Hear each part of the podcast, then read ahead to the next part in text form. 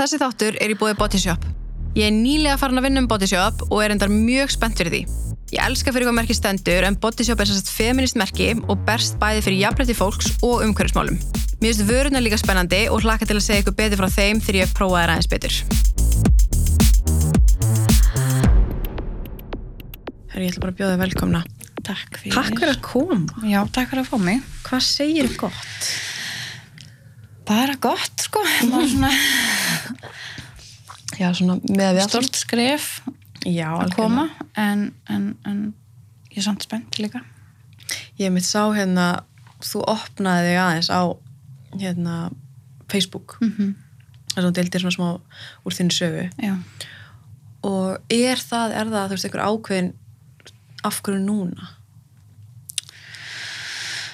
Um, það er eiginlega bara, þú veist, það sem búið að vera í gangi í samfélaginu núna undarfarna vikur og mánuði, þú veist, mér finnst bara, þú veist, það er svo mikið um þöggun, skilur, Mhm. og, og þegar ég sé, þú veist, það styrkir mig ótrúlega mikið þegar ég sé fólk vera að, að hérna, segja frá, skilur, og, og, og lýsa óbeldi eða hvað sem það er, skilur, mm -hmm. svona, að ég veit ekki, ég, þú veist, er hann að loka um hóp og ég var að skorala og skoða og ég hugsaði bara, þú veist, já, þú veist, ég ætla bara líka að vera svona sterk, skilur, Mhm. og ákvaða að prófa það og hérna, og ég fekk bara, ég bjóst ekki við þessum viðbröðum sem, sem þessa fæsla fekk, en en svo var einmitt í sem sagt, eitt af kommentunum hana var hinn barsmáður hans sem sagt,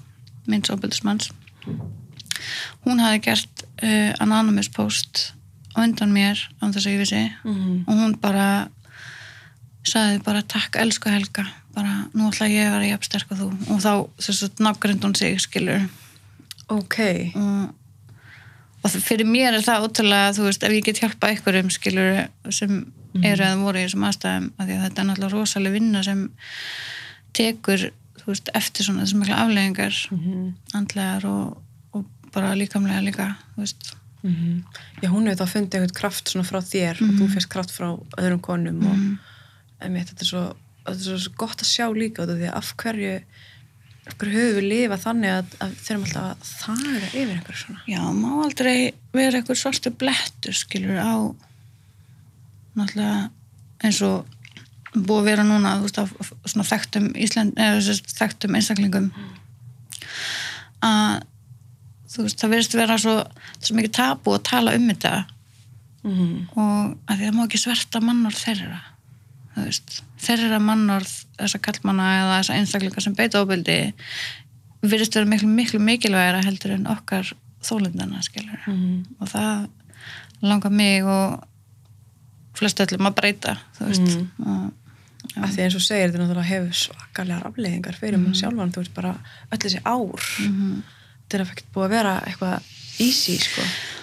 Nei, en, þú veist. já, en þið kynnist, hvað ertu gömul þegar þið kynnist? ég er tvítug þegar við kynnumst á 2013 Já, hann er þá hvað? 15 árum eldri eitthvað þannig? Hann er nýjórum eldur en ég. Já, þannig að hann er þá 31 mhm, já, Nei, 29, 29 já. já. ég kann ekki starfra en já, hann er sérst nýjórum eldinni og hérna og er algjör svona, þú veist tappi og bara mjög hann ógeðslega svalur sko. Og hann var fast á kunni í sjöppu sem ég var að vinna í. Og hérna og þú veist, við vorum alltaf eitthvað svona daðra og eitthvað, þú veist, ég var ágræðan og mér fannst hann bara ógeðslega sætur. Mm og, en á þessum tíma var ég í næslu og ég sérst kynnumst eiginlega þannig þegar ég byðan um sérst númer hjá Grasala. Vissur þá að hann var eitthvað svona að selja eða? Mér bara datta, hann leit bara þannig út skilur, mér datta bara í hug. Og, en ég bjóst samt ekki við því að hann væri að því, sko, endilega. En hann bara ógislega stoltur og bara, já, þú ert að tala við almanninn eitthvað hérna. Og ég bara, mm og hérna já, þú veist, ég fæ númeri hjá honum og þú veist, við hittast nokkur sinnum. Bara, þú veist einungis í þeim tilgangi, þú veist, að, að kaupa. En svo byrjaði hann að senda mér skilabóð og eitthvað svona og mér fannst það rosa spennandi náungi. Og hann átti ekki ekki bíl og þú veist það var bara svona allt, hann var allt, allt öðruvís en allir sem ég kynnist skilur Mhm. þetta var ég náttúrulega bara ung og kunni ekkert á lífið skilur en maður heldur það náttúrulega alltaf á þessum tíma. Já, já, maður sé bara með allt á reyni, sko. en já, þess að, svo gerðist þetta bara allt ógeðslega hrætt við bara, við hittist þannig einu sinni sáum saman í fyrst geti sagt, á fyrsta deiti skilur og, og svo bara árinni vissi að þá var hann bara þú veist, farin að skipta sér öllu sem ég gerði og þú veist, og ég var bara eitthvað, já, ok, já, þú veist, ég tók bara öllu einhvern veginn sem hann Mhm. að því hann var eldri og þú veist, ég bara, já, ok, þetta er bara þú veist, kannski hvernig orða þetta, þú veist, ég sá alveg rauðu flöggin, Já, en ég hunsaði þau bara og ég sagði bara, að þú veist, þetta er kannski bara svona, hún leiði eitthvað illa í dag eða eitthvað svona, þú veist. Og jafnvel eitthvað svona, ef maður hugsa því að þetta sé eitthvað svona eignarhald, þú veist, hann bara eins og þið sofið hann saman og hann bara okkur ég á þessa núna. Og bara, já. sko. Og kannski tekur maður þessu einhvern veginn þannig svona þykir vænt um sig þegar hann er að skipta þessu ræðlu. ég er náttúrulega bara þú veist, þetta hlaut nú að vera ást veist, hann lítið að elska mig svona mikið ef hann, en ef, hann var svona mjög involveraður í mitt og mín samskipti við til dæmis bara vini mína, þú veist, ég átti mjög marga vini og kallmann, kallmenn og þeir voru, þú veist, ég var ekkit sko, ég var ekkit endilega átt að maður ég væri komin í eitthvað samband skilu, ég var alveg ennþá, þú veist var ekkit að segja vinum mínum frá því og þeir voru kannski að senda mér eitthvað óvegandi skilbóð og eitthvað svona. Og þá náttúrulega bilaðist hann skilur og, og, og þú veist, drullaði mig og hótaði að drepa þá og eitthvað skilur og Bara sem maður gerir. Já, mjög eðlilegt sko. En hérna og, og ég náttúrulega bara endaði að, að eigða öllum út, skilur, öllum strákum og, það var sérst besti vinur minn á þeim tíma og hann var bara, þú veist, frekar sára reyður út í mig, skilur, hann alltaf skildi ekkert í hvað ástæðum ég var. Og hérna og sérst basfæða minn, hann hérna var alltaf samfærið um það að ég væri alltaf að sofa hjá þessum besta vinum mínum. Og Bara bjóð það til einhvern veginn í hausnum á sér og... Já, og svo er ég með tattoo og sem sagt, ef maður tekur fyrstu, þetta eru fjóra setningar nei, fjóra, fjóra orð. Og ef maður tekur fyrstu orð nei, hérna, stafina í orðunum þá kemur gælunafni hjá vinum mínum. Besta ég vissi vinur. það ekkert, skil ég var, veist, ég var bara, hei, cool veist, þegar hann, þegar hann sagði þetta. Þá var það sem sagt, þá var ég að fá mér þetta tattoo að því ég vildi hann svo mikið veist, hann, hann, var, svo- hann var, svo, var svo klikkaður þú veist, hann var mjög veruleika fyrstur og náttúrulega í mikillega neyslu á þessum tíma með örfand efnum og, og svona. Og þannig að þú veist, það var ekkert þetta rökraðan við eitt í neitt, skilur það var bara það sem hann sagði stóð. Og Þið áttu náttúrulega aldrei samtalið um það eitthvað, þú veist, að, að þið varuð eitthvað byrjuð saman eða neitt. ekki, ekki þarna nei, sko. Nei. en hann tók því bara þú veist, eins, eins og segir, þú veist, hann átti mig bara skilur Hann bara ákveði þetta. Já, en svo kemur að því að ég, þú veist, mér langar í meðferð og ég fer í meðferð þannig að seinta árunni 2013 held ég. Og hérna og ég, þú veist, spyr hann hvort hann vil ekki koma með mér eða þú veist, hvort hann vil ekki vera með mér í þessu, þú veist, og hann bara pff, ég er ekki fíkill, ég þarf þess ekki ég hef alveg stjórn á þessu og eitthvað og, hérna, og ég bara fer þá í meðferð og, og þá fer fólk að þú veist, segja við mig þú veist, þú verður þú veist, þú verður bara að hætta með honum skilur, annars verður ekki detru og þú veist, og hann er ekki góða við því og ég er náttúrulega var búin að vera að opna með eins við þetta fólk og eitthvað. Og, og ég ringi í hann og alltaf hætta með honum. Og hann fannst hann ekki sérstaklega góð hugmynd. Hann sagði að það væri bara vittlisa í mér og ég var ekki að láta þetta fólk hafa áhrif á mig og, og eitthvað svona þannig að ég bara eitthvað, já ok eitthvað. Og bara, þú veist tók því bara þannig að, ok, ég náði ekki að hætta með honum. Mm. og en sérst, þarna inn í meðferð þá hérna ég held fram hjá honum í meðferð. Og þú veist þetta var einstaklingur sem þú veist var mér þú veist, ég var náttúrulega bara ótrúlega broti manneskja og mér vantaði bara Ást og umhyggju. Já, og mér fannst hann sína með það, skilur. Mhm. Og hann var útilega góð um mig og sagði fallega hluti um mig og þú veist, og ég svaf hjá hann. Mhm. Og náttúrulega kjölfarið voru við reikin og meðferð, skilur, þetta er náttúrulega ekki banna. Nei, þetta er ekki, Leifilegt. þetta er ekki leifilegt. Já, þú máttu ekki sofa hjá þeir sem eru með þér í meðferð eitthvað, eða eiga einhvers konar ástæðsambandi með Nei, alltaf verið sloppum, aldrei, þú veist, maður má ekki, þú veist, hvernig orða Sýna hold. hold líka við, sko, og veist, þótt að mann er, maður er kannski að drepast úr frákasengjum og ókvæmstlega heitt, ég verð að vera slopp. Sama hvað er, en á Ok. vó, sko. En af hverju er verið að refsa fólki sem er að leita sér hjálpar? Þetta var bara brotareglum. Og- Jesus. Já, klukka var hann að já, réttu miðnætti og ég bara eitthvað hend út og ég bara eitthvað vissi ekkert hvað það gera og ringi, þorði náttúrulega ekkert að ringi hann sko, ég ringdi í bestu vinkonu mína. Og er bara, þú veist, hvað ég segja, hvað ég segja, hvað ég segja, vissi ekki neitt sko. Og ringi hann um tvö liti þegar ég er búin að vera styrstu og eitthvað. Og, og hann kemur að sækja mig og finnst náttúrulega strax mjög undarlegt að ég sé komin heim klokkan tvö skilur og ég bara segja honum hvað kom fyrir. Mm -hmm. Og hann náttúrulega alveg brálaður og eitthvað og veist, við kerum heim til hans. Og og hann hendi mér í styrtu þráttur að ég var búin að segja styrtu að þú skýtin að mér og eitthvað svona og kallaði mér bara öllum ítla nefnum. Svo þegar ég kem fram þá var hann okkur rólegur og okkur skrið, eða svona fannst hann mjög skriðin og hann segir mér að hann vilji að ég flytti inn til sín.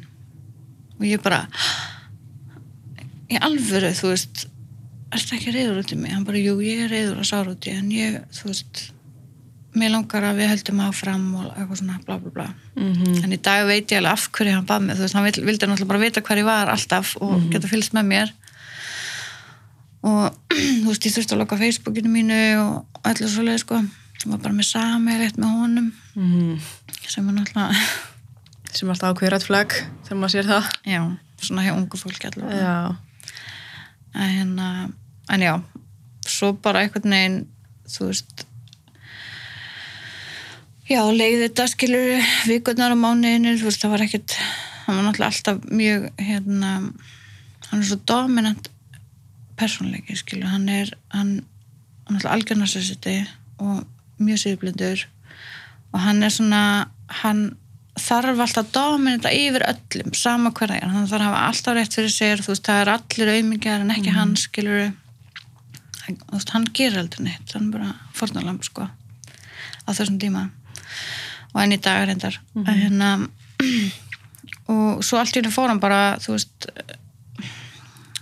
hefðinu hans fór bara versnandi skilur þú veist, og neistlan þá líka þú veist, hann var það reyðari og reyðari út af öllu og fór að þú veist, leggja hendur á dýrin sín.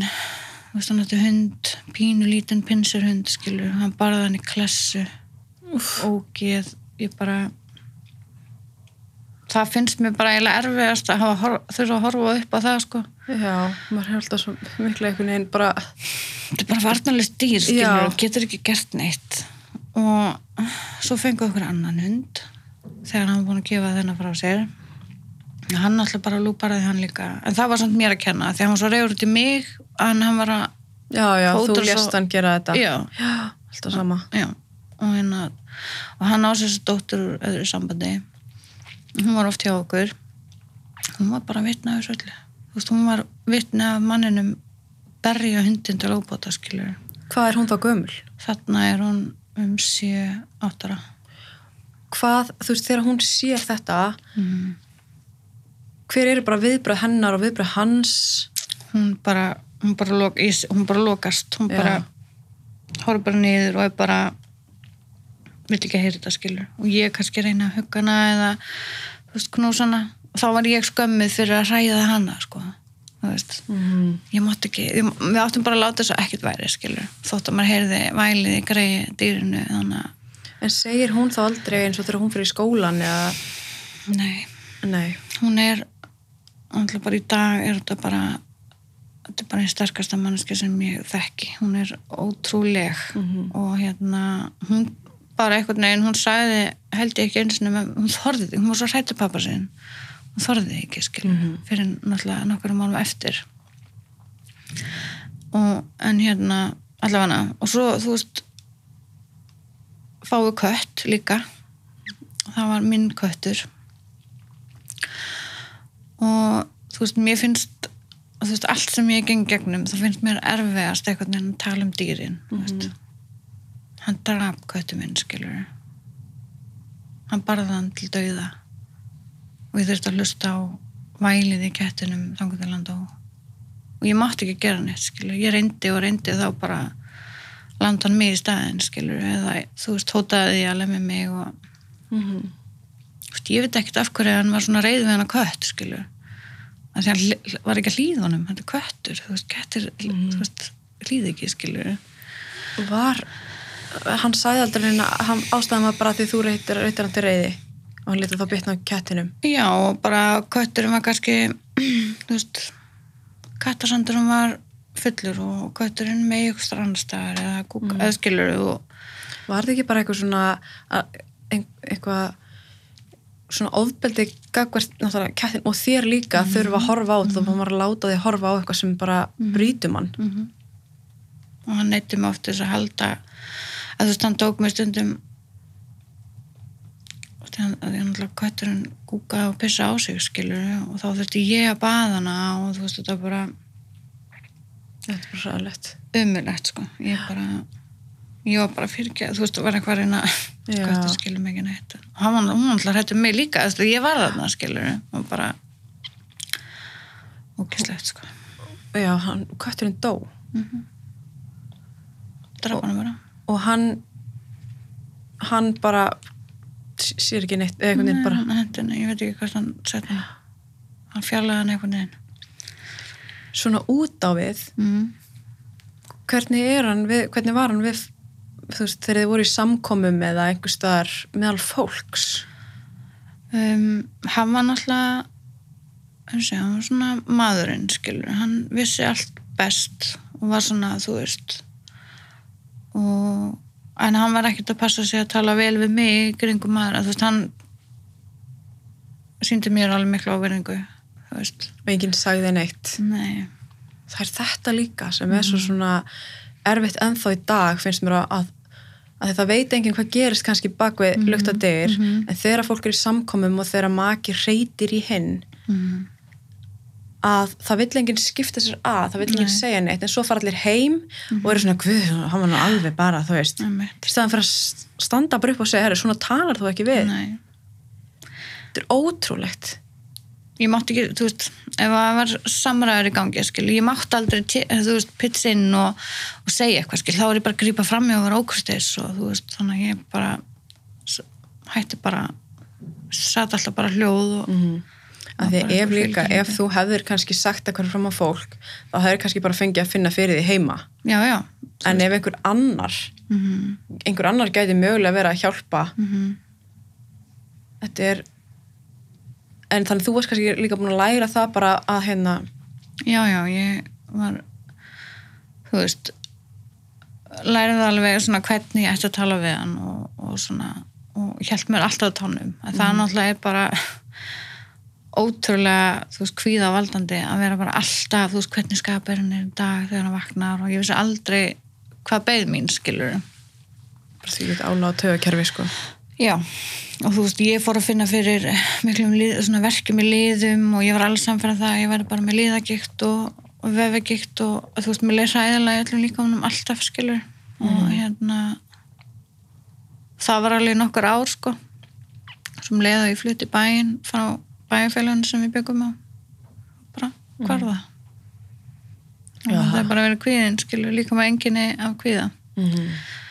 en, en já, svona en eftir þetta mitt, þetta bara eftir köttin og, og allt þetta, ég held þetta bara áfram svona, þetta bara, þú veist bara þvílík reyði alltaf og Já, það var svona, fór alltaf stigmagnast, skilur meira og meira. Og svo, þú veist, var hann einn daginn búin að samfæra sig um það að ég væri hérna alltaf að sofa hjá sem vinum mínum hana.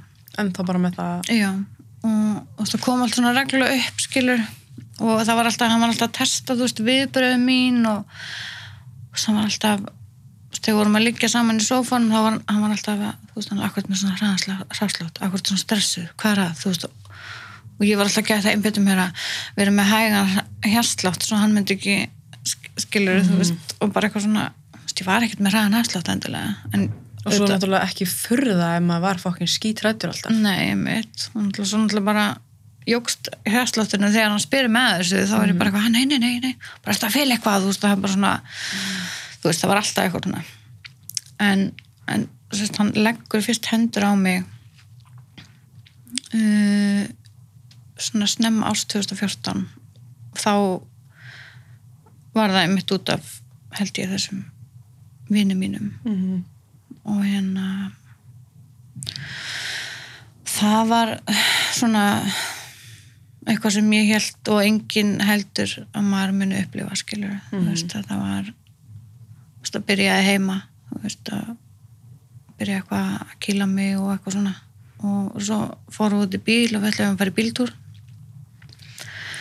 Og hann fyrir bara eitthvað að keira, endal, keira eitthvað og er bara endalegt að öskra á mig og er að kýla mig sérst í, ég er náttúrulega sett í ferðarsætunu og þú veist hann að kýla mig í þessa hlið, þú veist, lærin og síðuna og eitthvað. Og svo erum við komin í heiðmörk. Við samt ekkert hvar, ég man ekkert hvar það var. Og hérna já og hann hendi mér út úr bílnum og fer bara að, þú veist, sparki mig og og kalla mig öllum millum hann endast að segja sér svo mikil hóra og ég er svo ógistleg og þú veist, eitthvað svona á meðan. Og svo fer hann bara þú veist, bara skiluð eftir í heimörk já og þarna var hann búin að sparka í andlita eða þú veist, hann þú tók mig upp á hárinu og, og sparka í andlita á mér og fór bara. Og og ég var mjög venguð og ég bara, ég vissi ekkert hvað ég var og ég bara, ok, nú er ég bara að fara að tegja, skilur. Og og bara sáttu það, skilur. Og svo kom hann aftur og reyf mig upp og kallaði mig auðmikið fyrir að geta ekki gengið að ég var búin að sparka svo mikið í fætuna á mér. Og við förum heim og, og hann bara þú veist, læt mig fá síkartu og leggur mig í sófan og tala varlega og segir svo kvildiðinu, þú ert búin að ganga gegnum margt, ég er ánægð með þig. Þú veist. Hvað þýði það, þú veist, hvað var hann er stoltur að ég hafi, þú veist þrauka þetta? Já. Ég veit ekki. Og eitthvað svona, eitthvað svona bara eitthvað svona hann var ótrúlega góðum með næstu daga þú veist, þetta er alltaf þessi ringar ás mm -hmm. Það er hérna sérst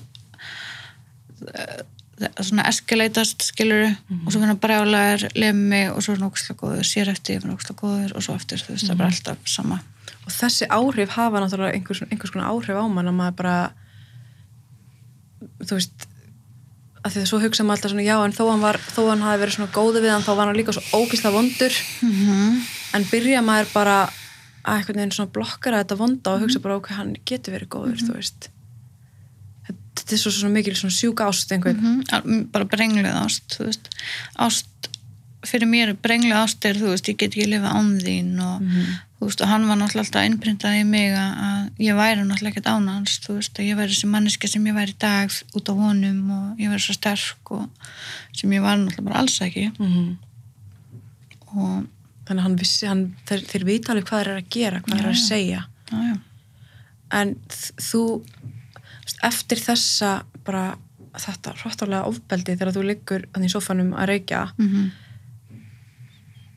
hvað er maður, er maður að hugsa hérna núna ætla ég bara að fara? Eða er maður bara, ég vona að hann verði svona góð með bara fram, þetta var breytt skipti.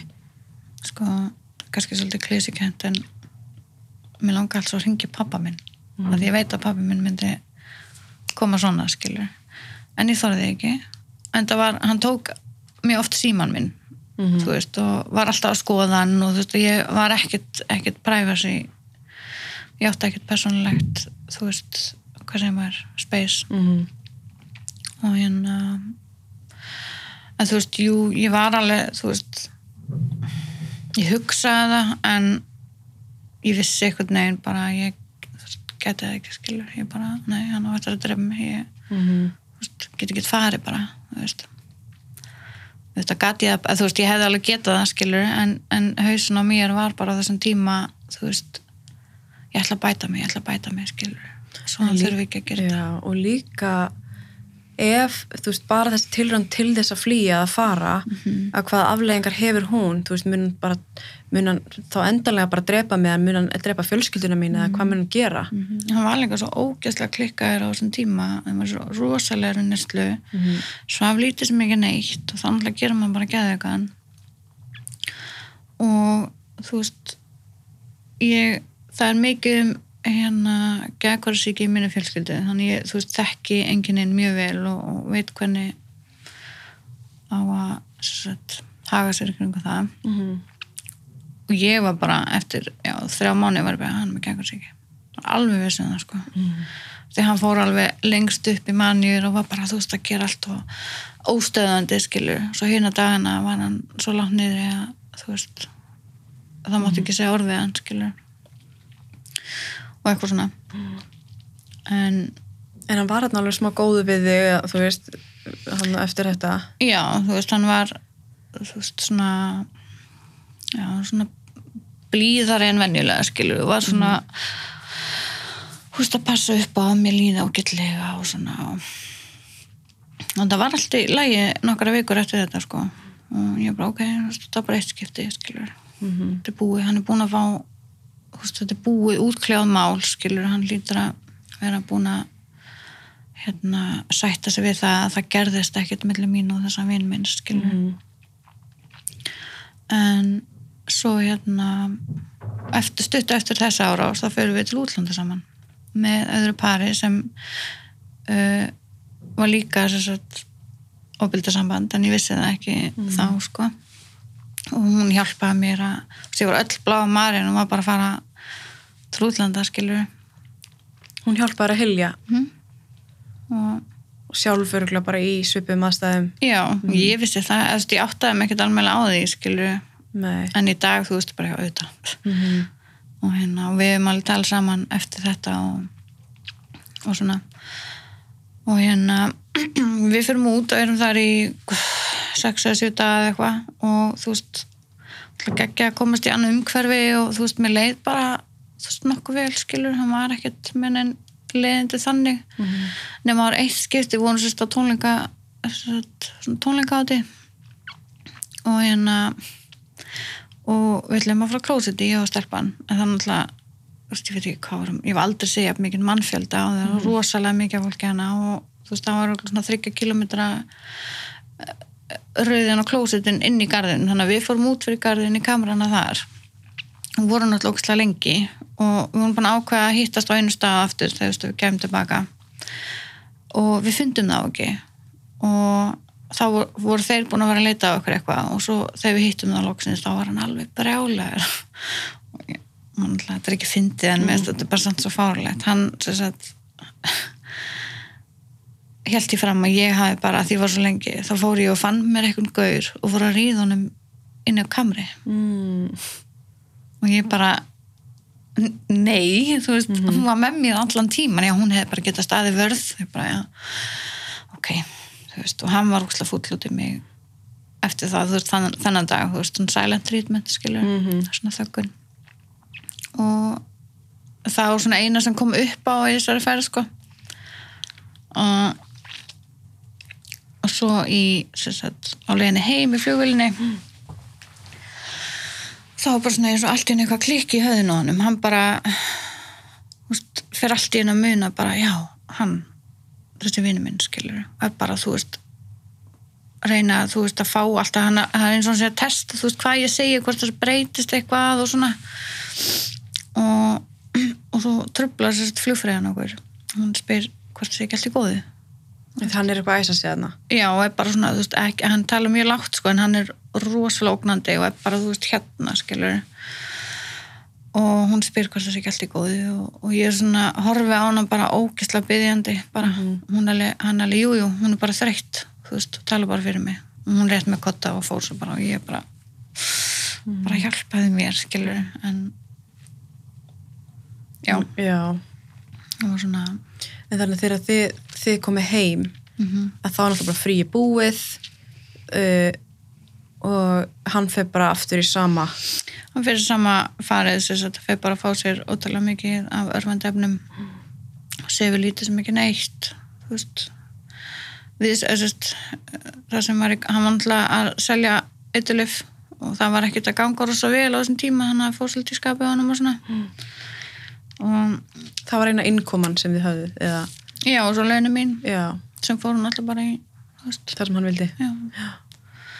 og og ég þurfti alltaf að beða hann um pening og eitthvað svona, veist, Mhm. það var bara hann reði yfir mér með öllu, skilur ég mátti ekki svona fyrir heimbanga minn, skilur mm og hérna þá er ekki komin heldur af hann skil ekki svona á þessum tíma. Ég man það samt ekki. Um, já, þú veist, það var svona nokkra vikur sem voru bara, þú veist eða svona mánuður sem ég það var bara ógæslega mikið þú veist, það var svona það var eitthvað í aðsíðu, skilur en ég það var bara eitthvað svona spenna og Já. þú vissir að það var eitthvað á leiðinni. Já, það var ógæslega, ógæslega og þægilegur tími, sko. Mhm. en svo bara, þú veist eitt sunnudaginn, hans var með þess að hjá okkur, sko. Og hún var svoandi ég held samt að hún hefði ekki verið svoandi en, og þá byrjar hann svona einmitt eitthvað svona aðeins að tuska mig til og eitthvað svona og svo skuttlum við henni heim mjög snemma svona frekar óvennilegt og, og eitthvað.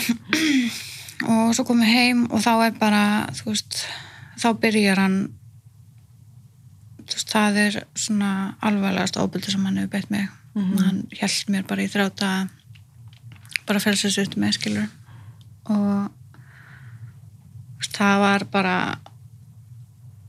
já, ég hef náttúrulega ekki sagt mörgum frá hvað hann gerði skilur Mhm. og mér langar að segja það. Og hérna en hann sem sagt byrja bara á því að kýla mig ógisla fast eða sagt reynda að slá mig utandir hann er miklu stærri hendur en andlitað á mér þannig að það fyrir eirun og ég heyri ekki neitt og eitthvað og hann er bara endalst að kýla mig niður og kasta mér svona til svo hann mig upp að hálsinum bara eins og í bíómyndunum skilur ég var bara, þú veist, í Þú varst loftinu. þetta svo létt. Mm og og svo hendar hann mér í gólfið þú veist, á flýsagólf það var ekki dúa gott. Og hérna svo hann mig upp aftur og kallar mig auðmingja fyrir að- að detta á eitthvað skilur og er bara svona að kasta mig til og frá. Og ég greinlega hef angast þarna á þessu tímbili eða sérst rótast eða eitthvað. Og svo vakna ég liggjandi nakin á stofugólinu og hann er svona klófið ofan yfir. Og hérna og ég sé að hann, hann er svona með þú veist það var svo, hann var svo geðveikur í- eða þú veist, augun á hann voru bara svört þú veist, þetta var ekki hann, skilur mm mér. Hann heldur á kveikjara og ég sé að hann er að kveikja í gerðurstæðum á mér en ég fann samt ekkert fyrir neinu sko, ég fann engan skilur. ég sá bara að hann var að gera þetta og hérna og ég baði hann eitthvað um að hjá- hætta og hann bara fór bara að hlæja mér og sagði bara að ég væri bara auðmiki og ég get ekki gert neitt af því að hann væri hún á mér og eitthvað Mhm. og svo kom pása, þú veist, hann lét mig fór síkartu og, og ég, þú veist, hann var alltaf að henda mér að því ég var alltaf svo blóðug, skilur hann var alltaf að henda mér í og úr styrstu til að þú að mér og tók mig alltaf úr styrstunni, leiði mér alltaf þurrka mér að gera neitt, skilur, helt alltaf bara áfram að þurrka mig til. Og um, það var fyrsta daginn, sko. Og svo róaðist allt niður og, og við finnum bara hórsjónarbein svo ekki segja, skilur ég gæti samt eiginlega ekki treyft mig Mhm. þú veist, og svo daginn eftir var það var svona daginn eftir var þú veist, svona aðeins minna um barsmiðar en hann hérna sko það er eitt við hann að hann uh, hvernig það þetta hann æsist kynfyrslega við því að ef ég er að gráta undan honum og þegar hann ber mig. Þannig að hann vildi alltaf sofa hjá mér þegar hann var búin að berja mig. Mm, og þarna var það náttúrulega sérstaklega vond því ég var náttúrulega bara öll löskuð og bólgin og þú veist og honum var náttúrulega bara alveg sama og hann þvinga sér inn í mig og þú veist gerir sitt. Og ég há grátanda með hann. Og hérna og svo segir hann við mig skvíslar hann að mér eitthvað að nú skul ég fara að kvíla mig eitthvað, það búið langu dagur eitthvað svona, þú veist, eins og sjókvæmslega góð við mig, skilur og já. Og ég man ekki hvort það hafi verið á þriðja degi ég held að að þá er hann sagt fór hann geimslu og hann fór oft nýri geimslu til þess að fá sér eitthulif að þá var bankað á hurðina. Og ég er náttúrulega ekki með réttur á því skilu, ég er bara náttúrulega búin að fá hana mjög mörg höfug og, og ég opna hurðina og er nakin með þess að og þá er, þá er þetta vinur okkar þannig bara. Hann bara náttúrulega þú veist, kemur ekki upp orðið skilu, er bara þú veist, ég er bara, bara hjálp, hjálpaði mér bara hérna. Og hann er alveg og hann stendur bara stjárfur, hann veit ekki hvað hann að gera skilur, mm. skilur svo sem alveg þá kemur hann sagt, alveg brjálegar að ég hafa opnað hurðin og hann ítur okkur báða minn eitthvað. Og, og hann bara, þú veist, hvað er að sjá stelpuna? Sérðu þau, þú veist, hva, hvað er í gangi? Og hann bara hún átti þetta sko alveg skilið þú veist, og fyrir að segja eitthvað sem ég átti að hafa verið að gera og þú veist, og þetta bara þú veist, hún, þú veist, hún átti þetta skilið. Og hann bara eitthvað svona já, ok, eitthvað en þú verður samt að fara með hann á spítala heyrður ekki hvernig hún andar? Það anda í, þú veist mjög svona hrjúft og þú veist bara átti mjög erft með anda. Og hérna og svo fer hann bara. Og ég bara ennþá í dag, þú veist, ég hitt í manni ég rakst á hann daginn og ég bara þú veist, með hann bjargaði mér ekki skilur og ég bara þarna var ég bara verður, það verður eitthvað að bjarga mér ég geti þetta ekki sjálf skilur því ég er enda að hlaupa út einu sinni, mm. mér er þess að alls saman hvort ég var ekki fötum og hann dróðum bara aftur inn skilur Hefður vilja að þessi vinuðin vinur ykkar hefði bara ringt á laurugluna?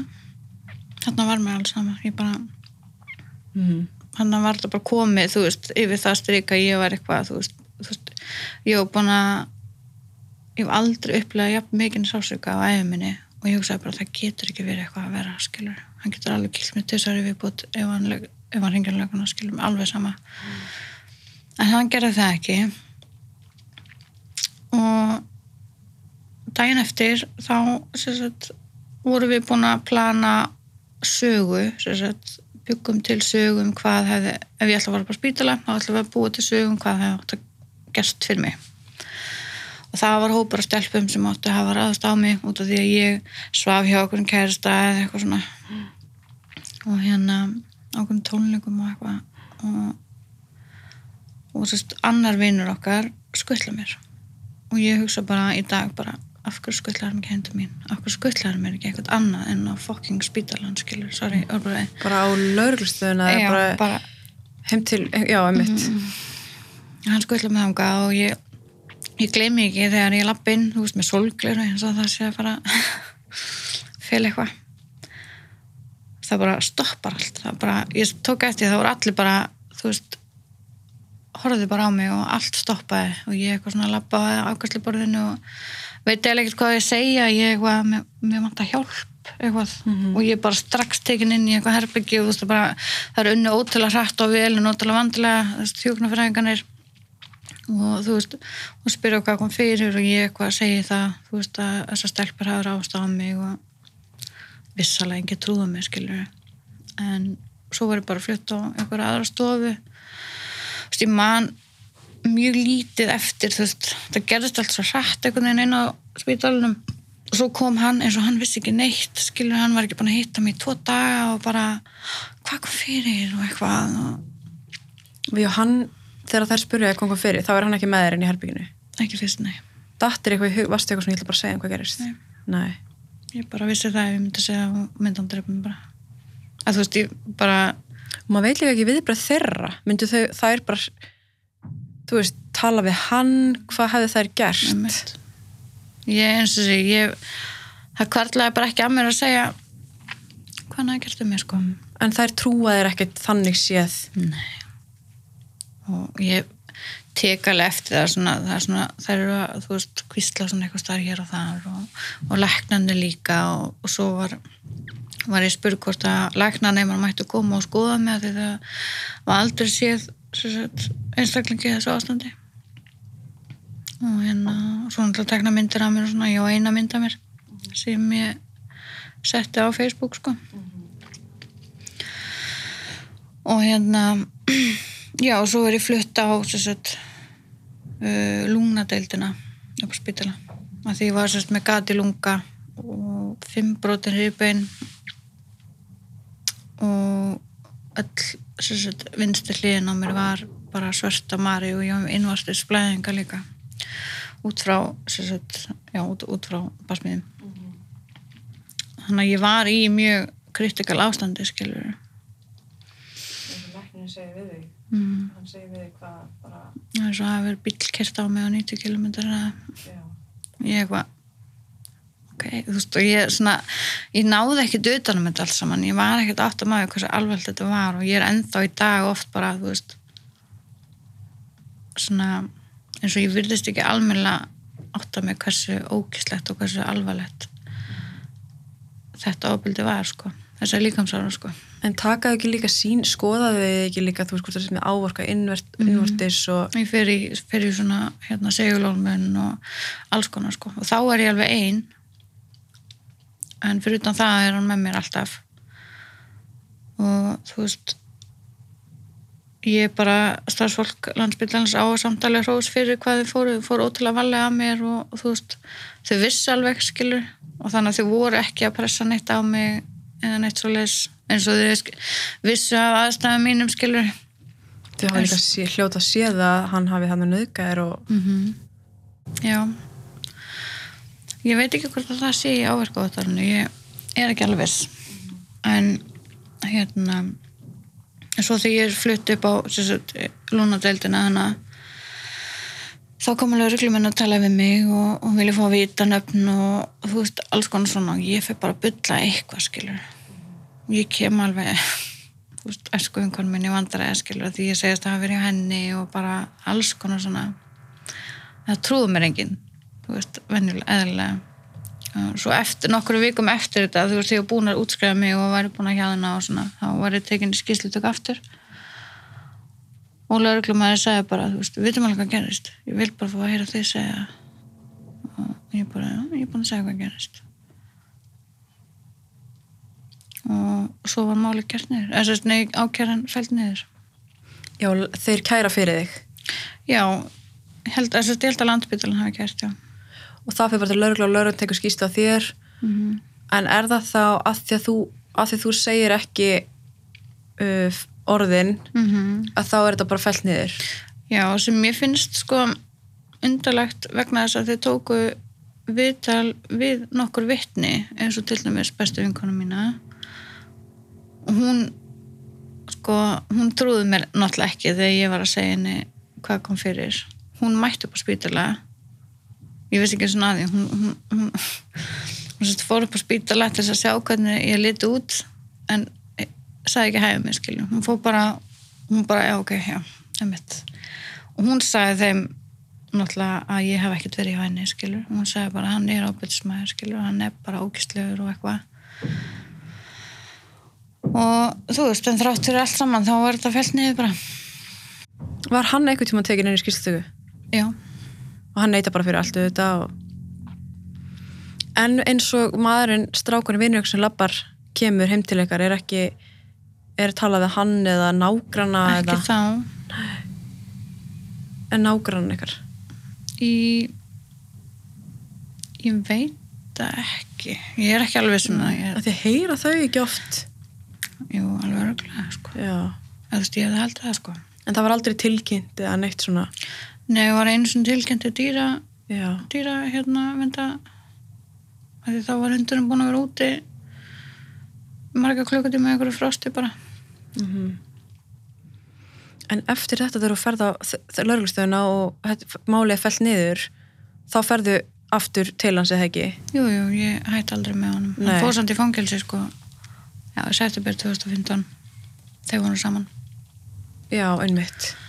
Fyrir þess að hann var handekinn fyrir þetta en hann fór ekki inn fyrir þetta. Hann fór Nei. inn fyrir þess að ítrekkar hann var ítrekka tekinn undir áhrifum og ekki um bílpróf. Mm og fekk 27 mánuði fyrir það. En satt náttúrulega ekki það lengi sko. En sem ég finnst Tvö og hálft því. fyrir ykkur umferðalega brot og fikk neðinu brot En hvað satt hann inni lengi?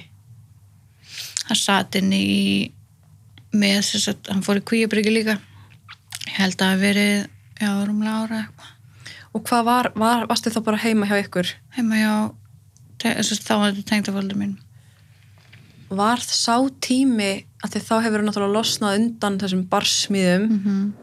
En á sama tíma stjórnaðan þeir eru bara úr fangilsinu. já, já, bara alveg hygglust sko, hann ringdi mig oft, oft að dag og ég að ringi hann og, og hérna, og ef ég svaraði ekki þú veist, þótt ég var í vinnu og svona þá bara, mitt var ég bara svo í okkur með öðrum eða, þú veist, þá var einhvern veginn aldrei þú veist þá náttúrulega, menn þarna inni voru náttúrulega að segja við hann skilur og bara, þú veist, konur eru aldrei trúar manni þegar maður er í fangelsi og eitthvað svona og hann náttúrulega var með mjög, mjög þekktum glæpamönnum á gang sem hafði ekki góðar hefði hann heldur sko Mm Og fóreldrar hans náttúrulega kannski að koma með þessu meðvirkni og, og hérna já, þannig að en va, voru þetta tímar leiðir betur þarna? Já, upp á þessu marki sko. ég var bara í svo rosalega mikill tókströtu á milli hans og pappa minns þess að fjölskyldum minni fjölskyldunni sérstaklega. Þau var alltaf að reyna að koma mér út skilur og ég sagði bara nei, mér líður ótrúlega vel hérna, þau eru ótrúlega góð með mig og eitthvað. Og, og svo ákvað ég á endanum að samþykja að fara í svona, við, svona ráðgjafi viðtöl hjá hvernig aðkvarinu og þú veist, jú, mér fannst það alltaf hjálpa en aftur á móti vildi hann alltaf auðvitað fá að vita nákvæmlega það sem ég sagði alltaf þannig að, þú veist, og hann vissi ekki eins og þetta væri hvernig aðkvarinu hann sagði, ég held bara að þetta væri sálfræðingur sko, ég sagði það. Og já, svo hætti ég að fara að þangað skilur að ég bara, ég fann að ég gæti ekki að vera hreinskilu við þær. Þorðið ekki. Og hérna já, hann kemur út um, kemur á fyrir á vend í janúar 2015 nei hann fyrir, fyrir hann fyrir inn 2014 september og kemur út held í janúar Og var þetta í fangilsinu sem þið, hérna, þið giftist? já, á litlu reyni Þegar hann hefur ekki lengur stjórn þér einhvern veginn nema bara ekki síma að þá beður hann þig um að giftast sér. Mhm. Og þegar þú svona þú voru að hugsa tilbaka, var þetta, var þetta eitthvað sem þið langaði, langaði eða var þetta bara, hugsaður einhvern veginn, já, mér langar að giftast honum? áður en að þetta, áður en að fyrir inn þá langaði mig að, já Mm Eftir alla barsmiðunar og allt. Já, það myndi bara laga allt, held ég, skilur ég bara, þú veist, það gerir allt betra. En mér langaði ekki að geta þannig hann inni. Og ég gerði það eiginlega bara að því að hann klikkaðast og ég sagði bara, já, ok, ok, allt er góði. Og fangelsið samþykir þetta líka og fær Prest. prest og og hérna, og lauruglan hefur náttúrulega hann skýslu líka Mm -hmm. með öllum, öllu því sem gerðist en það grýpur enginn inn í eða neitt Nei, það finnst mér svo skrítið já, ég átta mig ekki alveg því hvernig þetta rétt að gera við virkastundum, sko. Að því að, þú veist, er örgulega nóg að gera hjá þeim og þú veist, ég er ekkert að gera lítið úr því, sko. En það er bara svona, hvað ætla ég að segja? Það er svo margt sem, þú veist, á þessum tíma sem hefði geta komið í veg fyrir svo margt mm -hmm. af hálfu lauruglumanna skilur og sérstaklega hann mjög hann hann er mjög þekktur sagt, glæpa, eða þú veist, glæpa maður hjá skilur, það er vita alveg hver hann er, skilur. og búin að sjá þau eru með allt ávirka vottarinn og allt þetta Já. Það er bara enginn, það bara var, var enginn sem gat bara reynd Nei. og þá er ekki að tala um bara eitthvað svona að eitthvað ein skýslutaka bara, þú veist, þú, þú veist hvað er að gerast Mhm. þetta, er, þetta, er ó, þetta er óskiljanlegt sko Já. en þið giftið ykkur allan inn á litlarhaunni Mhm.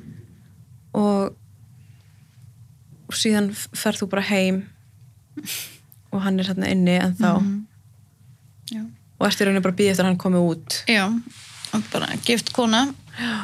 20 og- hvað var ég?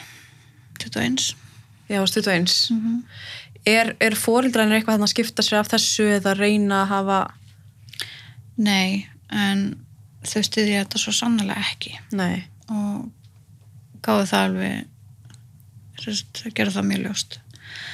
Og ég var náttúrulega á þessum tíma bara eins og segja mjög bara maður getur sagt bara heila þegin skilur og ég var alltaf svo fúl út í pappa minn fyrir að reyna að ta tala mig til skilur og þú veist og ég eiginlega bara að loka á hann sko. Mm og þú veist, mamma hún, þú veist hún er mjög var mjög veikur einstaklingur þessum tíma og þú veist, hún vildi bara vera til staði fyrir mig, skilur sama hvað.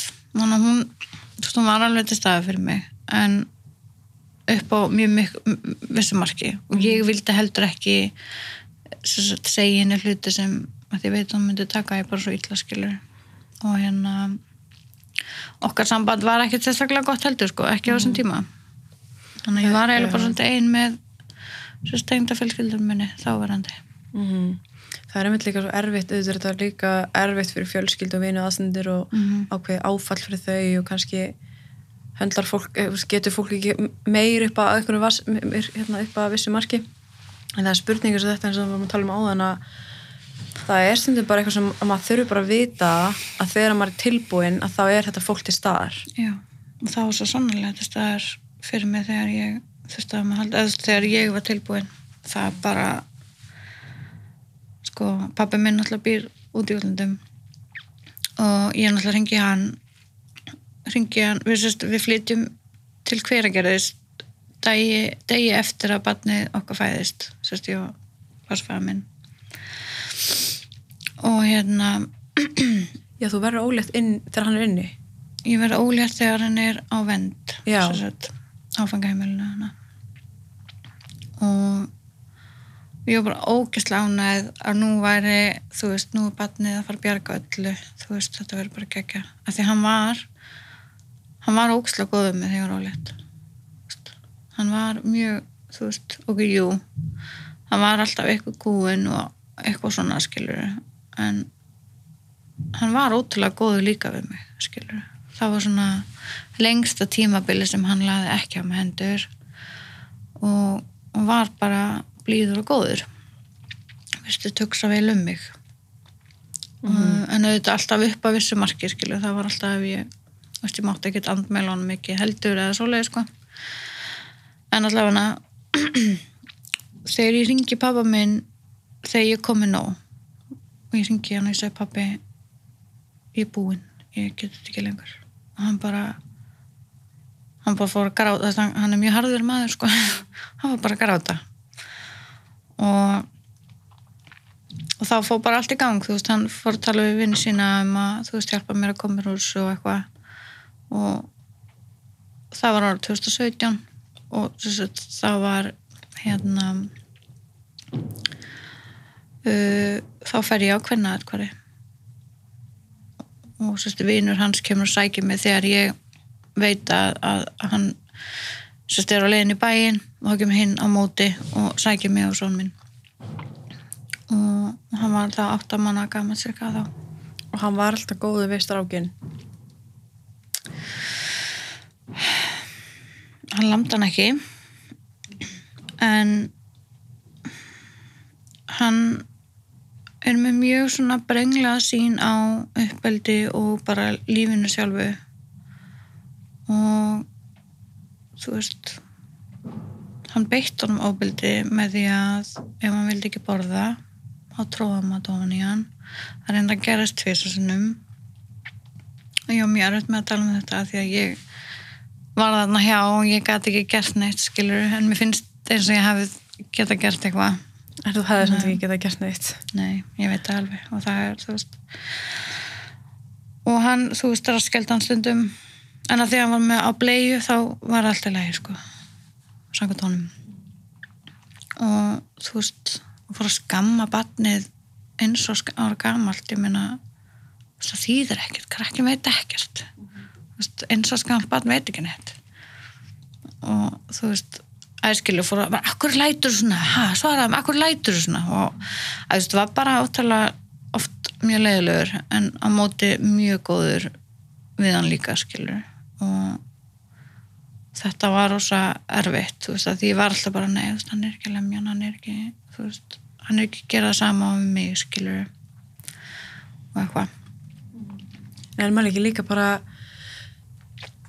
veist, hvað ef uh, það hefði að þú hefðir kannski sett fótið niður eða sagt eitthvað við hann að þú er búin að, ef maður er búin að upplifa bara þú sást hvernig hann fór með dýrin, með þig.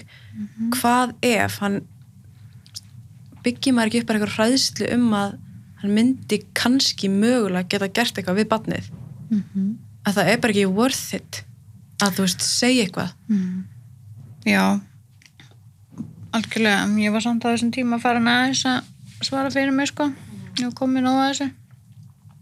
Og hérna, en ég fekk það náttúrulega alltaf tífald tilbaka, skilur. Og þarna var mér eiginlega bara orðið svolítið sama. mm -hmm. En eftir þessa stóri líkamsárast, þá passaði hann sig alltaf að lemja mig ekki það sem það myndi sjást.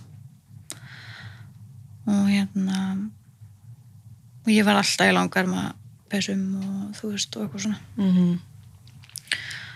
En, en barsmíðanar voru mun minni eftir að drengurinn fæðist, þess að bara eftir að flutum hana. En andlega, þú veist, og nýðlæðingin og gúunin sem ég var fyrir var rosalega og ég var svona einangur en ég þekkti engan hana, skilur og svona þangað til náttúrulega eftir einhverja vikur þá fórum maður að kynnast svona hinum að þessum. En þið farið á, í kvennaðkvarið þú og sóniðin mm -hmm. og eru þar í einhverja þrjá? Já, við erum í þrjáta og þú veist hugsa ótrúlega vel um okkur og það var bara ótrúlega ég segi ekki næsa því ég var með leiðan alltaf ekki vel Nei, á þessum tíma. Aðstæðunar inn á hvernig aðkvarðin eru rosalega góðar að mínum að þú veist það er bara fær hver, hver sitt eigið herbyggi og þú veist þær letum við fá föt fyrir drengin og bara góðar. Mm -hmm. og hérna, þær hafa hjálpað mér mjög mikið Gerðu kannski allt sem eru mögulega gáttu gert. Mm ég meina eins og þær vita og maður ekki vita, þú veist, það er ekki hægt að stjórna. Nei. það er gott að geta bara sagt bara, já, nei, nú tala þú bara aldrei við hann aftur og þú veist, eitthvað svona, skilu að því Það hann, eru bara þarna til staðar. hann ringdi á í hvernig aðkvæði eftir þrjóta held ég, nei, dag og segir við þær að hún hann vil fá hjálp. Hann vil fá hjálp? Já, hann gerði sér ekki grein fyrir að hann hafi verið að beita mér ábyldi og vill fá hjálp. Og ég er náttúrulega tekin inn á skrist og að ræða þetta um mig og ég er náttúrulega bara gett hissa að segja við ekki eitthvað og svona. Um, hann að ég fór til hans aftur eftir það og en, en það var samt eitthvað breytt skilu, ég var ekki lengur þessi, þú veist, ég fann það, það var þú veist, ég var að fá beinin eða skilu, ég var komin nóg, skilu, skaðan var skeður ég elskaði hann ekki lengur, þú veist, ég gæti alltaf kist hann, mér fannst hann bara þú veist, mm -hmm. allt, hann var alltaf að þú veist, ég veit ekki hversu oft hann aukaði mér í, í þessu sambandi skilur og þú veist, jú, það var loft með samþykki líka skilur, en En kannski með því samskiptinu samþekja að þú að þú tókst bara, þú nefndir ekki að taka eða nefndir ekki, eða þú bara þorðir ekki að eða þú veist. Já, þú veist, náttúrulega í byrjun var þetta náttúrulega ekki árið svona rosalega slæmt, sko. Nei, nei, nei. En eh, eins og þarna í hverjageri þá hann bara vakti mig þegar hann vildi til þess að sofa hjá mér skilur og fekk það bara skilur og svo bara fór hann Þú veist, og svo hafði aldrei þú veist, hann vakti allan nættur og var bara, þú veist, ekki það var bara ógstlega óeðlilegt heimilslíf, skilur Mhm. og hérna já, ég man ekkert hvað ég var að fara að segja samt. Nei, þetta með að þú komst aftur, já, eftir, eftir hvernig já, ákvarðið og... einmitt, já.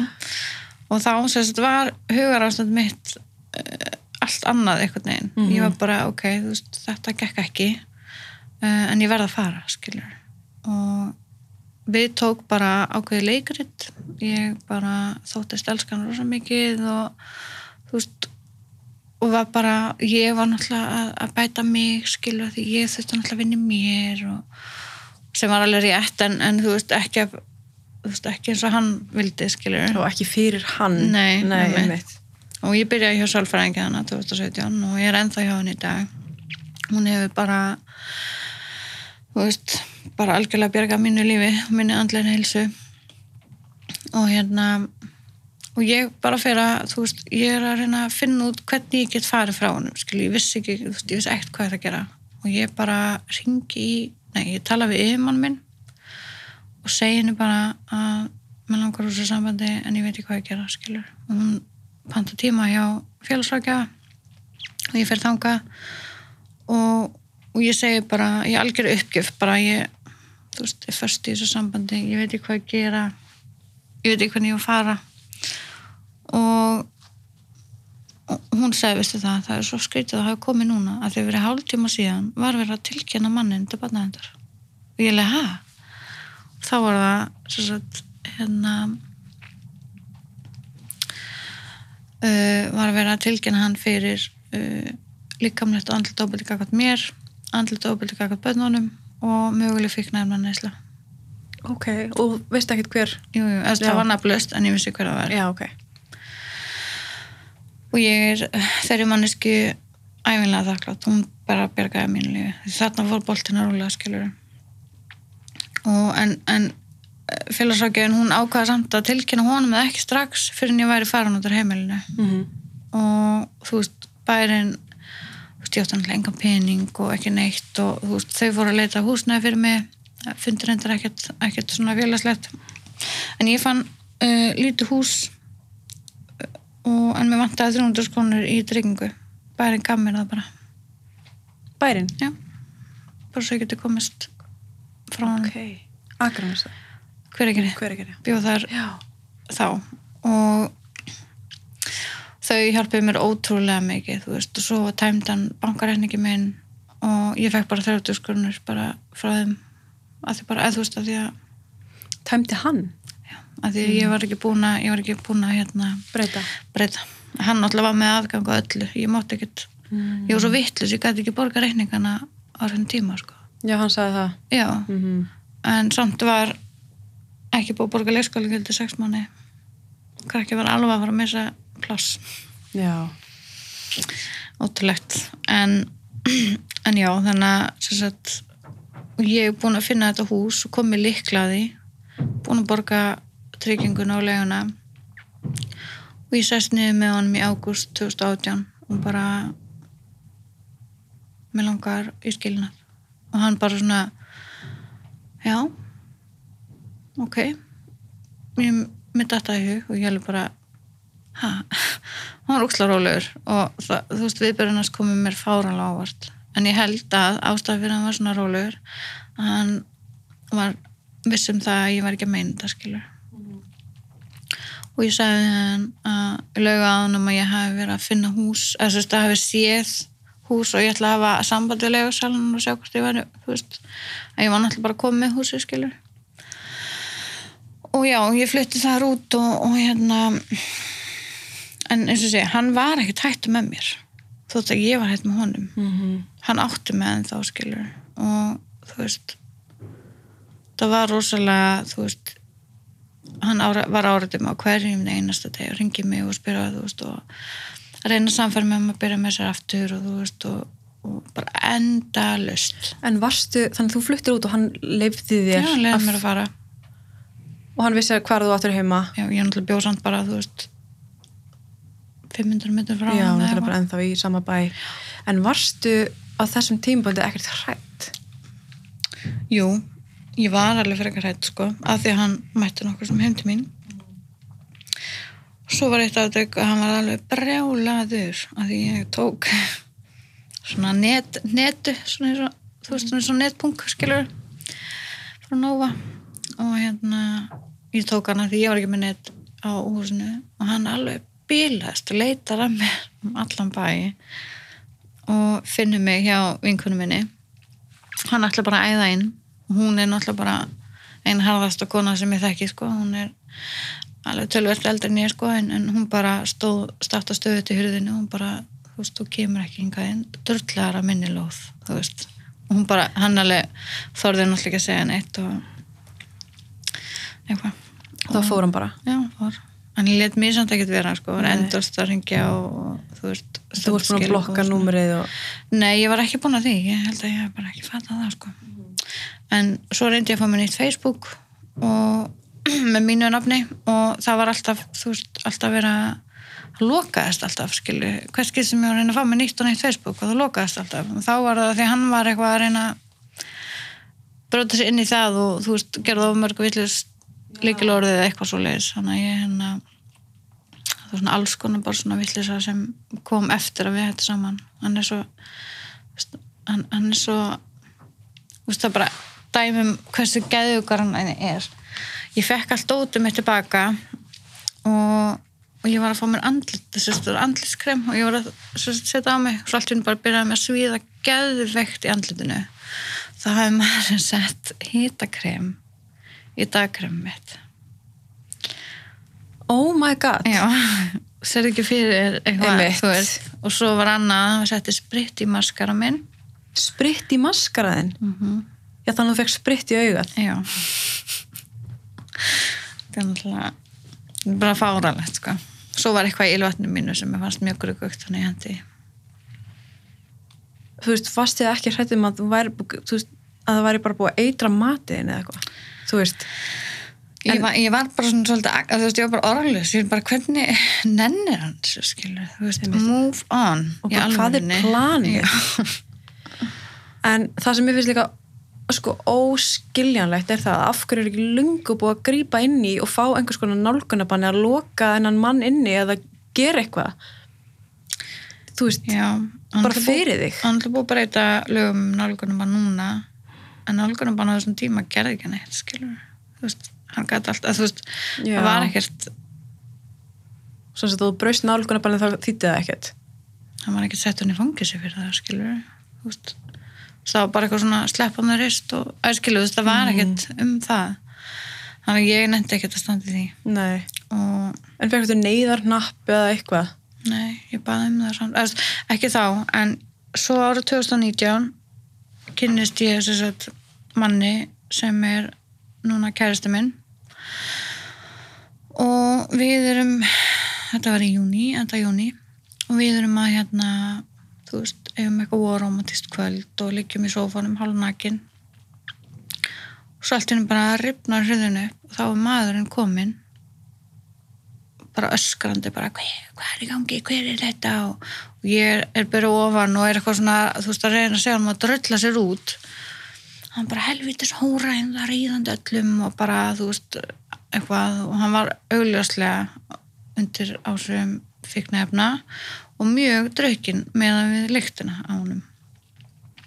Og hann ætla bara í kærasta minn og ætla bara að drepa hann skilur og ég það fór að klikka eitthvað hausnum á mér og ég segi bara nepp, þú fær ekki það svo vildir og ég fór bara millið skilur og bara ég, ég var bara slást við hann skilur og það er náttúrulega bara adrenalínið og svo næra veist, kærastanum mínum niður og ég bara, þú veist, maðurinn er ég veit ekki hvernig mörg kilo, en ég greip hann og bara svona hend honum af, þú veist ég veit ekkert hvernig ég náði því en, en og í þessu miðju, þú veist, þetta var svona eins og umyndaðir slagsmáli teknumyndum, það var bara svona þannig út um allt hús eitthvað, þetta var ógeðslega skrítið og, og ég ringi alveg örgluna í miðjum klíðum þarna og er eitthvað og ég segi honum kærastan mín maður drulla, far, far, farðu út, farðu út skilur og ég, hann hleypi bara út á buksunum einum veist, og fólk sér hann eitthvað og þú veist, bara svona surrealist bara, mjög svo realist og hann fer þegar hann sér að ég er við laurugluna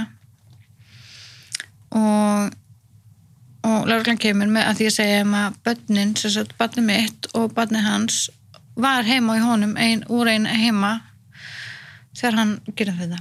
Já, þau eru í eða þú veist, eru bara hjá þeim. Já, hjá honum sem sagt.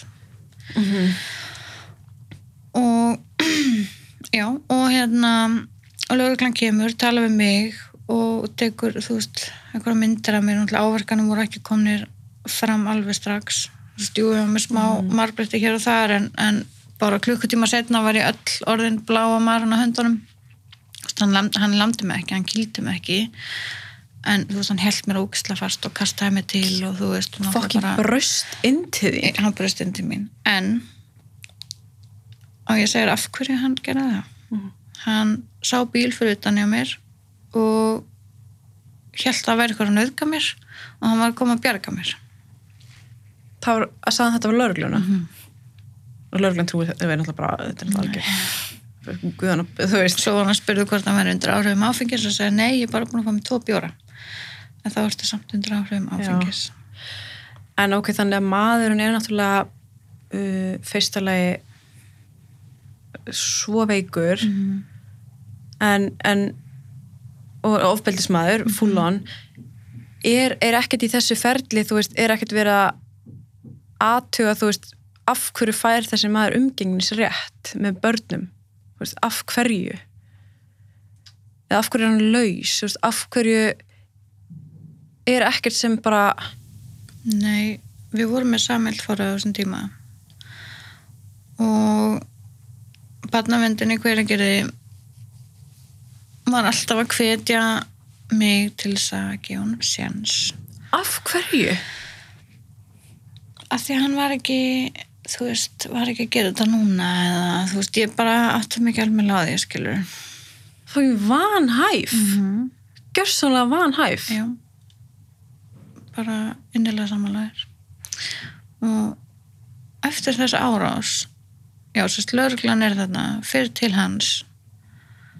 Og það tekur lauruglumenn og barnavendafjöldra að tvo að hálfan tíma að ná börnunum úr húsinu vegna þess að hann ætlar ekki að leipa að minn. En ég ringi náttúrulega basmáður hans heina, segi henni frá þessu. Og hún kemur brunandi til ekki, nei, til hverju og þá hún er að samfæra hann um að láta sig frá dreng, fá drengin mm -hmm. en aftur á móti sagt, var náttúrulega verið að byggja hann um að fara í fíknæðanum Mm hann vildi það ekki nema ég gerði það því ég verið svo mikill í neyslu sangat honum og ég bara, já, þetta, ég gerði það ef hann gerði það. Og ég gerði það og það kom náttúrulega neikvægt en hann sagðist alltaf koma daginn eftir og löglistum að gera það. Og gerða hann ekki? Þeir bara leiðunni það. Já. þeir handtóku mannin ekki fyrir innbrott og líkamsæðurós og, og eignarspjöll og en hann tók hann ekki. Og ég bara af hverju? ég, sko, ég og náttúrulega þegar þeir komið tilbaka þá var ég bara, hvað er hann? Hverju er hann ekki bílnum? skilur ég og bara var brjálu og þá segði þeir að hérna þetta er talið sem heimilsopildi ég er heimilsopildi, við erum bara saman í ár skilur, þú veist bara, já, þeir eru ennþá gift þú veist, borð, sérst, þeir eru skilin til borða sæng. Við vorum ekki lögulega gift. Nei, skilin, segi og ég bara, já, og hvað, þú veist hann bara, já, þú veist, það ringi bara að þetta gerist aftur. Ég er bara ok, þannig að hann þarf að lemja mig aftur. Getið þá handtekið hann? Og hann svaraði, eftir mann ekki hvað hann svaraði. En ég var brjálið og er ennþá brjálið því að maðurinn hafi ekki verið handtekinn. Að því að eftir þetta þarf ég að lifa með manninum í sama bæjarfélagi ógisla hrætt, ég gæti ekki búið heima með mér í tvær vikur, ég bjóð bara við vinkunum minni með barnið. Og ég lokaði alla umgengnin alltaf bara, neip, þú fer ekki hitta barnið. Og hann talaði reyndar ekkert við mig eftir þetta sko og þú veist það, ég var svo kvíðin, ég var svo hrætt alla daga, þú veist ég þorðið ekki út í búð ég, veist, ég var bara í ykkur stofangisi af því að ég svo ef ég heyrði eitthvað þrjust þá verið alveg eins og það hann var komin á veist, það var bara þetta var hræðilegt að maðurinn hafi skuli bara ganga laus í sama bæjarfélag og ég pínlindi bæjarfélag skilur og þú veist og ég var alltaf að ringja að spyrja hvernig gengur með, með þetta og þú veist hvort ég get ekki fengið þú veist neyðan upp og eitthvað svona. Og þá bara sko hérna þú ert sko komin á þannig lista hjá okkur að ef þú ringir þá, og þú segir kennitölunina þá vitum við alveg hvað er gangið og komið strax í eitthvað Já, ég, ég, ég, ég get ekki beðið eftir eitthvað gerist, skilur, ég vill fá að vera örug, skilur. En líka er maður alltaf í þeim aðstæð að maður getur bara tekið upp síman og ringt í númer og bara beðið eftir einhver svari. Nei, ég meina, ég hef aldrei, þetta er fyrsta skipt sem ég hef ringt á veist, Og það er örugglega ekkert, þó að þetta, þú veist, það er ekkert endilega víst að þú hefði getað náðið símanum og allt Nei. þetta. Þetta er fáránlega bara, ég vinnubröð. veit ekki hvernig ég náði að, að tala og ringja í síman í þessum aðstæðum því að þetta var bara, ég gæti ekki andað því ég var svo mikið öskara og veist, þetta var bara þetta var rosalegt, sko En hvaða, hvaða, það, sko, maður heldur einhvern veginn þegar maður tala um svona að þetta hafi bara verið þú veist, 1999 eða 2001 eða eitthvað. Nei, nei, þú veist, þetta er 2019 Mhm. og þetta er galið. En þannig bara út af einhverju pappisvinna því þið voru ekki löglega skilin eða eitthvað, þá gáttu þér ekki gert neitt. Mhm. Bara svo er þetta eitthvað kennitala blaði og þetta er bara eitthvað, þú veist, the computer says no. Já, bara 100% og, og ég er ógislega reyð út í út í þetta sko, ég bara já, ker- ég náttúrulega kerði þetta skilur, bara þetta gerast á föstu degi og ég fór daginn eftir að fá áverkuvattorð og mánudaginn kerði ég. Og sóttum fullt bænni og þú veist, ég man ekki hvað það tók langa tíma fyrir mig að fara í skýslutöku og eitthvað svona lala en hann neitaði sög sem því það að þá, þá frestaðist málið nokkra mánuði sko, oft var að taka, taka fyrir april 2020 en já, 2020 sko ekki 2019 Já, já en að því hann neitaði sög þá hérna frestaðist það til oktober neitaði sögum að hafa bótast þinn. já, Hvernig getur hann neita? Lörglumenn komu og tók hann. Já, bara hann neita sög og þá er það bara þannig. Svo fer ég fyrir dóm skilur og mæti honum. Og ég var náttúrulega skýtrætti við hann. Og hann var ekki í góð ástandi, ég sá það alveg sko. En hann reytir eitthvað, ég man ekki hann reytir eitthvað af mér, eitthvað, hvernig ætla að lega mér að hitta barnið mitt? og eitthvað svona ég bara, Aldrei? ég svara hann mikið skil ég var náttúrulega bara ykkur því líka panik eitthvað. Og kem hann inn í domsalinn og, og já allavega hann var sem sagt dæmdur fyrir þetta Mhm. fekk fimm mánu fangisistofn hugsaður 27 mánu fyrir umferðarlega brot og fimm mánu fyrir innbrot og líkamsárus eða tilrönd til líkamsárus eða eitthvað, ég man ekki hvað stóð hana. Og hérna en hann þurfti ekki að fara inn vegna þess að hann ákvað ef þetta er undir 12 mánu þá getur hann tekið til samfélagsþjónustu. Og ég fæ 500.000 krónur í skaböður Færði 500.000 krónur í skapætur. Sex mánum eftir þetta, já Hvað er að? Hvað er bara framkvæmdur í gangi hérna? já, En sko þetta er, þetta, er að sjúkasta sem ég hef heyrt.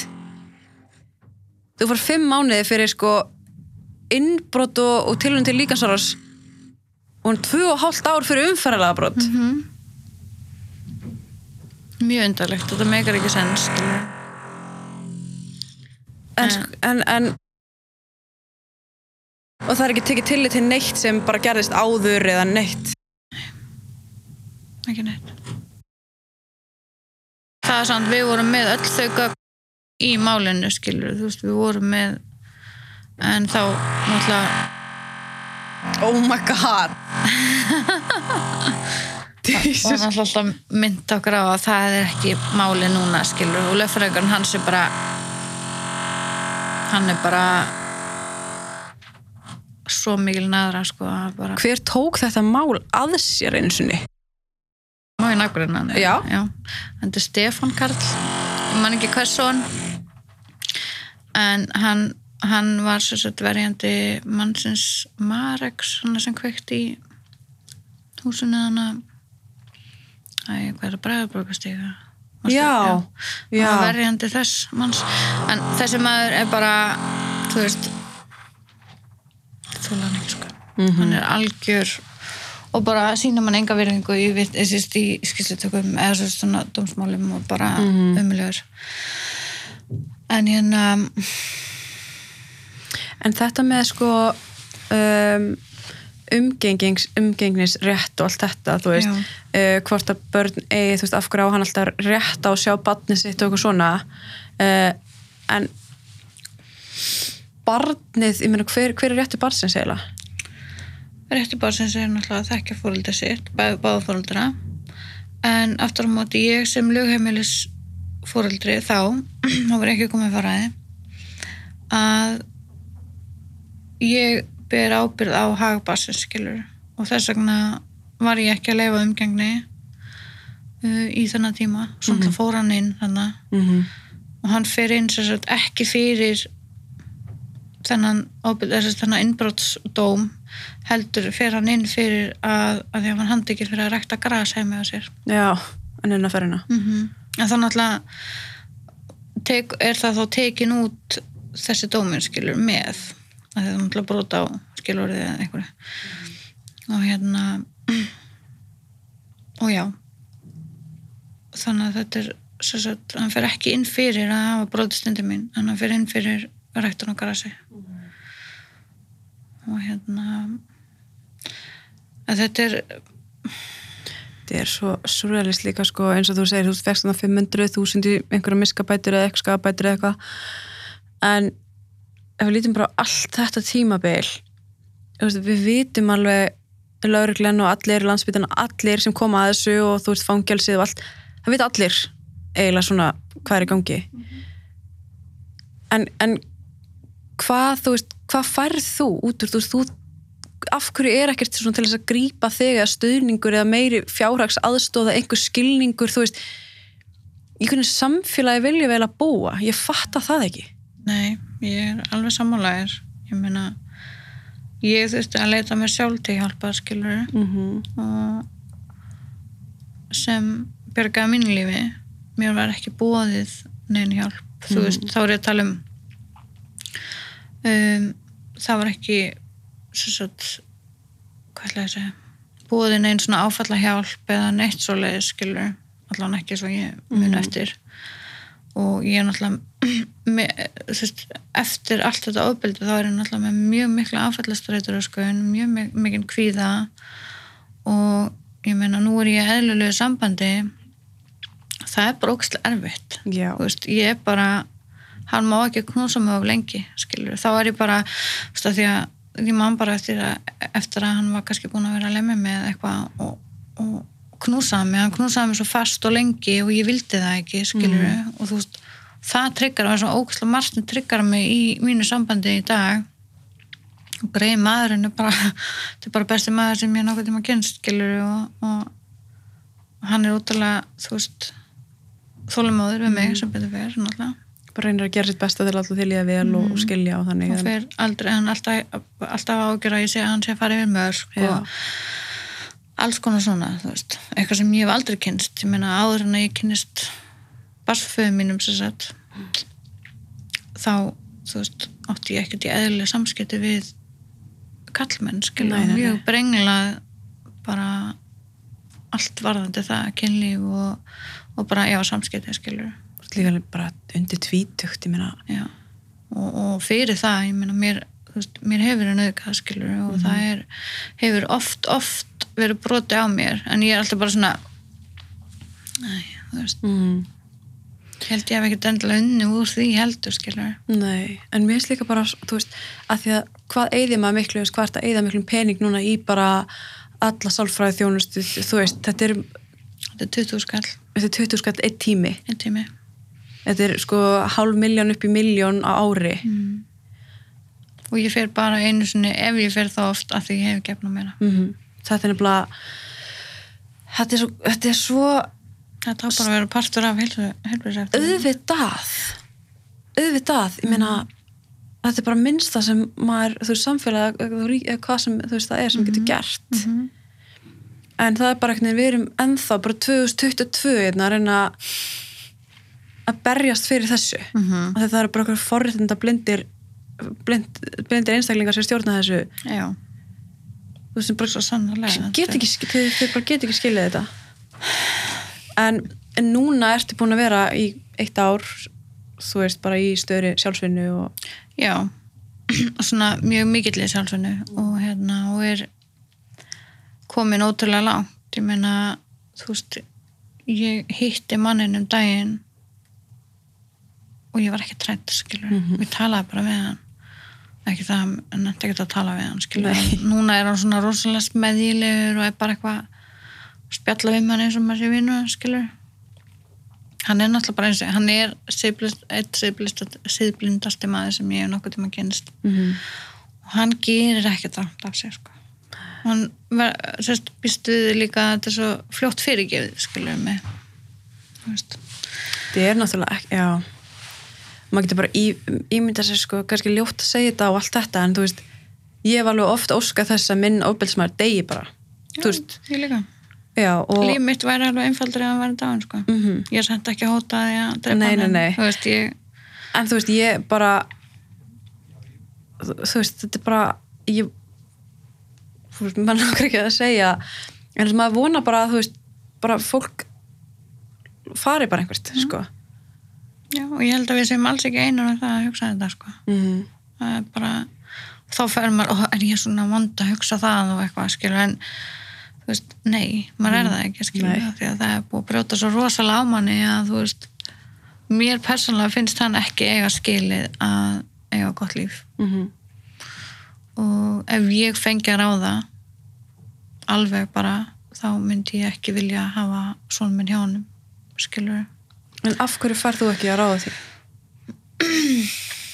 um, sko, þetta er náttúrulega mér finnst þetta svo óksla flókið og þú veist, svona minn er fimm ára gamall og elskar pappa sinn pappa Ok. sinn, pappans er ljósið í lífi hans ok, hann náttúrulega þekkir hann ekkert nema bara þú veist. ok og hérna það er líka í þessum barnasáttmála eða eitthvað svona þá er sérst að barn á rétt að, að þekkja báða, báða fóreldra og mér var bara sagt að að því að náttúrulega þessi umgengni samlingu var gerður og ég hætti við hann að ég lokaði á hann fyrst út af því að hann náttúrulega fór inn skilur og ég ógst lærist með að svara þessar spurningu af því að ég er svona er, ég oft í tókstötu við sjálf á mig varðandi þetta af því að drengurinn er ánæður mm -hmm. hann elskar frænda pappa sinns hann kemur alltaf ánæður heim ok, nema að verið eitt skipti sem hann hefur ekki verið ánæður þegar hann kom heim. Og ég er rosalega mikið að fylgjast með og, og ef mér þess að þú veist ég á mjög marga vini í hveragerði sem þú veist, látum alveg vita að þið sjá eitthvað eða eitthvað skilur mm og hérna já það, ég er eiginlega bara þetta fyrir svona minn núna, Mhm. þú veist, ég er ekki þetta fyrir hann. Mér geti verið, ná, mér geti ekki verið sam, meira saman hann sko.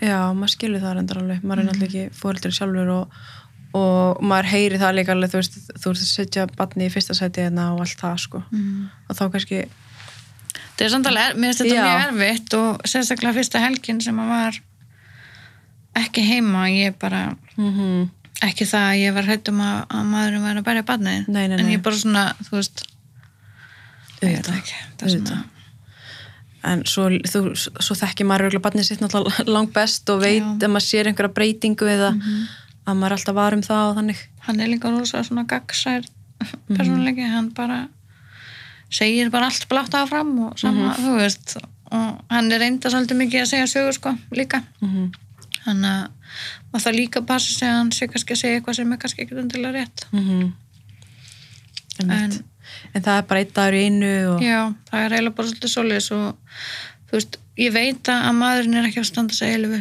ég veit það alveg Mhm.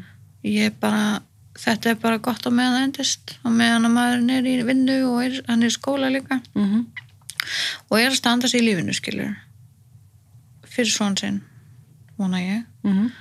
En ef það væri ekki fyrir svon minn þá væri mér bara nákvæmlega sama Mhm. þá mætti hann bara, þú veist Deyja. já, bara svolítið svolítið sko að svona, við það er þannig ekki sko. mikill, ekkert mikill missi fyrir mig allavega Nei, einmitt. Ég held að hérna, það sé svona ágætt loka orðið hérna hjá okkur, sko. En bara takk æslega fyrir að koma og tala um þetta. Það er náttúrulega, ég get ekki líst því, bara, ég, bara, ég get ekki skilið hennar kraft, þú veist, ég get það ekki. Þetta er bara eitthvað annað. já, mjög erfitt með að taka þessu sem hrósi af því að, já, bara þetta- svona Já, bara ég held að það sé örglega eins og þú sagði sjálf bara að þú veist, að þú fannst að þú gafst öðrum einhvern veginn kraft og vonandi Mhm. bara getur einhver fundið kraft með að hlusta á þetta og Já. þú veist bara og líka að fólk sjáu það, ég menna þú átt erlegt líf í dag, þú veist, þú átt gott líf í dag Mhm. Áföllin þurfi ekki að hamla manni líka, mér langar að segja að ef ekkert að þessu hefur gest ég meina, þá væri, ég er ógæslega sterk manneski þú þetta segja sjálfur í dag Mhm. það er Augljóslega. að fara, enginn að fara að vaðið mig skilur mm og ég finn það bara, ég er bara þú veist, ég væri ekki þessi manneski í dag ef ekkert að þessu hefur komið fyrir skilur Mhm. og auðvitað óska ég engum að þetta gerist til þess að þau verið sterkari skilur Nei, en, en já en þú allan að já, breytir þessu bara í svona smá rauninni Mhm. kraftin bara. Mhm. og, og það er bara aðvunavert og bara Já, takk aðeinslega fyrir að koma. Takk fyrir að fá mig